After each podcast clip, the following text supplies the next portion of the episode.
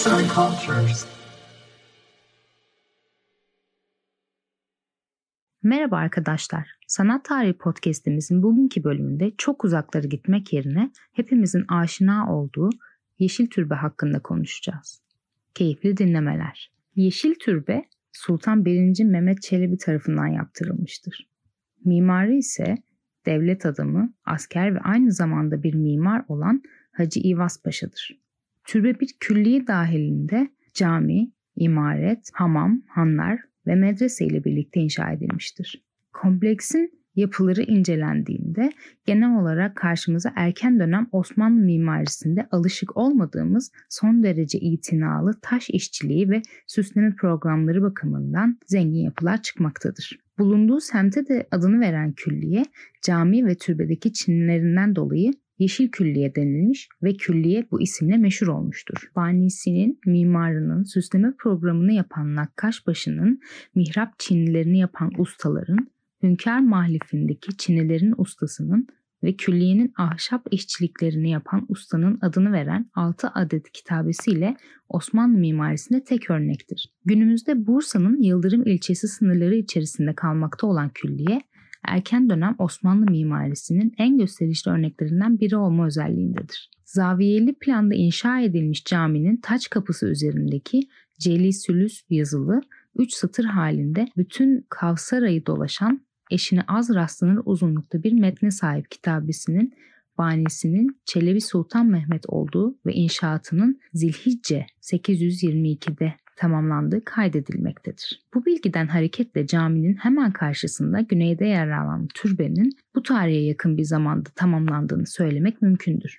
Çünkü Çelebi Mehmet 1421'de vefatının ardında Yeşil Türbe'ye defnedilmiştir. Yeşil Külliye'nin konumuna bakıldığında dönemin başkenti olan Bursa'nın Sur içi yerleşimiyle arasında yaklaşık 2 kilometrelik bir uzaklık bulunduğu görülmektedir. Çelebi Mehmet'in külliyesinin neden Sur içinde değil de uzak bir alana konumlandırıldığını cevabı ise kuşkusuz sultanın şehri daha geniş alana yayma çabasıdır. Oktay Aslanapay'a göre erken Osmanlı mimarisinin teknik bakımından en mükemmel ve en kaliteli örnekleri Bursa'da görülmektedir. 1. Beyazıt'ın Ankara Savaşı sonrası Timur'a esir düşmesinin ardından oğulları arasında başlayan taht kavgası döneminin Fetret devri devleti çökme noktasına kadar getirdiği tarihi kaynaklardan bilinmektedir.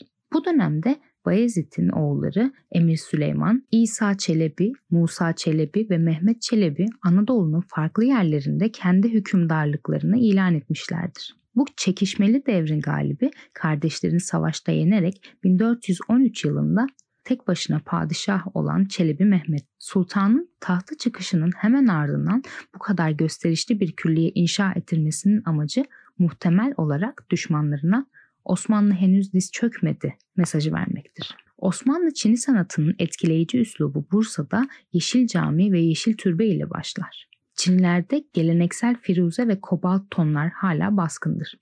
Ancak yaprak yeşili ve parlak sarı kullanılan altının yumuşatıcı etkisi ile yeni ve canlı bir armoni yaratır. Selçuklulardan tamamen ayrılan Osmanlı renkli sır tekniği yanında mozaik çinilerinin teknik bakımdan en mükemmel ve en kaliteli örneklerinde burada görülmektedir. Bu dönemde beyaz, sarı, fıstık yeşili ve eflatunun katılmasıyla renkler zenginleşmiş, ayrıca hatayi ve şakayık gibi uzak doğu kökenli motifler Çin'i sanatına çeşitlilik katmıştır. Bunda ise hiç şüphesiz 1402 yılında Timur tarafından Semerkand'a götürülen ve orada yeni teknik ve üslupları öğrenen ustaların büyük bir payı vardır. Timur'un ölümünden sonra bu ustalardan bazıları Anadolu'ya yeni edinimlerle geri dönmüşlerdir. Külliye dahilinde bulunan ve Çelebi Mehmet'in metfun olunduğu türbe tek katlı görünmesine karşın iki kattan meydana gelmektedir. Bu katlardan birincisi yapıya girişte ziyaretçileri karşılayan ve sandıkların bulunduğu ziyaretgah katı ve ikincisi ise birinci ziyaret katının altında bulunan girişin yasak olduğu kripta katıdır. Kripta kısmı 3 bölümlü ve 5 gözlüdür. Ve burada Çelebi Sultan Mehmet'in tahnit edilmiş bedeni bulunmaktadır.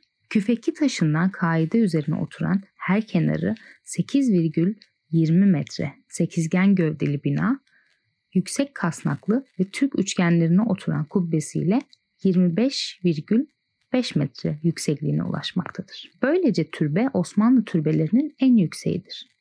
Dıştan bütün cepheleri ve pencere alınlıkları mavi, beyaz çinili olup üzerlerinde hadisler yer alır. İç duvarları pencerelerin üst seviyesine kadar çinilerle kaplıdır. Pencere alınlıklarında yine hadisler ve pencere aralarında çok büyük sabekli şemse motifleri görülür. Türbenin Çin'i mihrabının ve Çelebi Sultan Mehmet'in sarı, lacivert ve beyaz renkte tamamen kabartma çinilerle kaplı sandık katısının bir benzeri bulunmamaktadır. Türbenin ahşap kısmında Çelebi Mehmet'in ve mimar Hacı İvaz Paşa'nın adlarıyla külliyedeki ahşap işçilerinin ustasına işaret eden Ameli Hacı Ali ve Ahmedi Tebrizi ibaresi yer alır. Türbe kapsamlı bir onarımdan sonra 2009 yılında yeniden ziyarete açılmıştır. Seslendiren Polen Biçer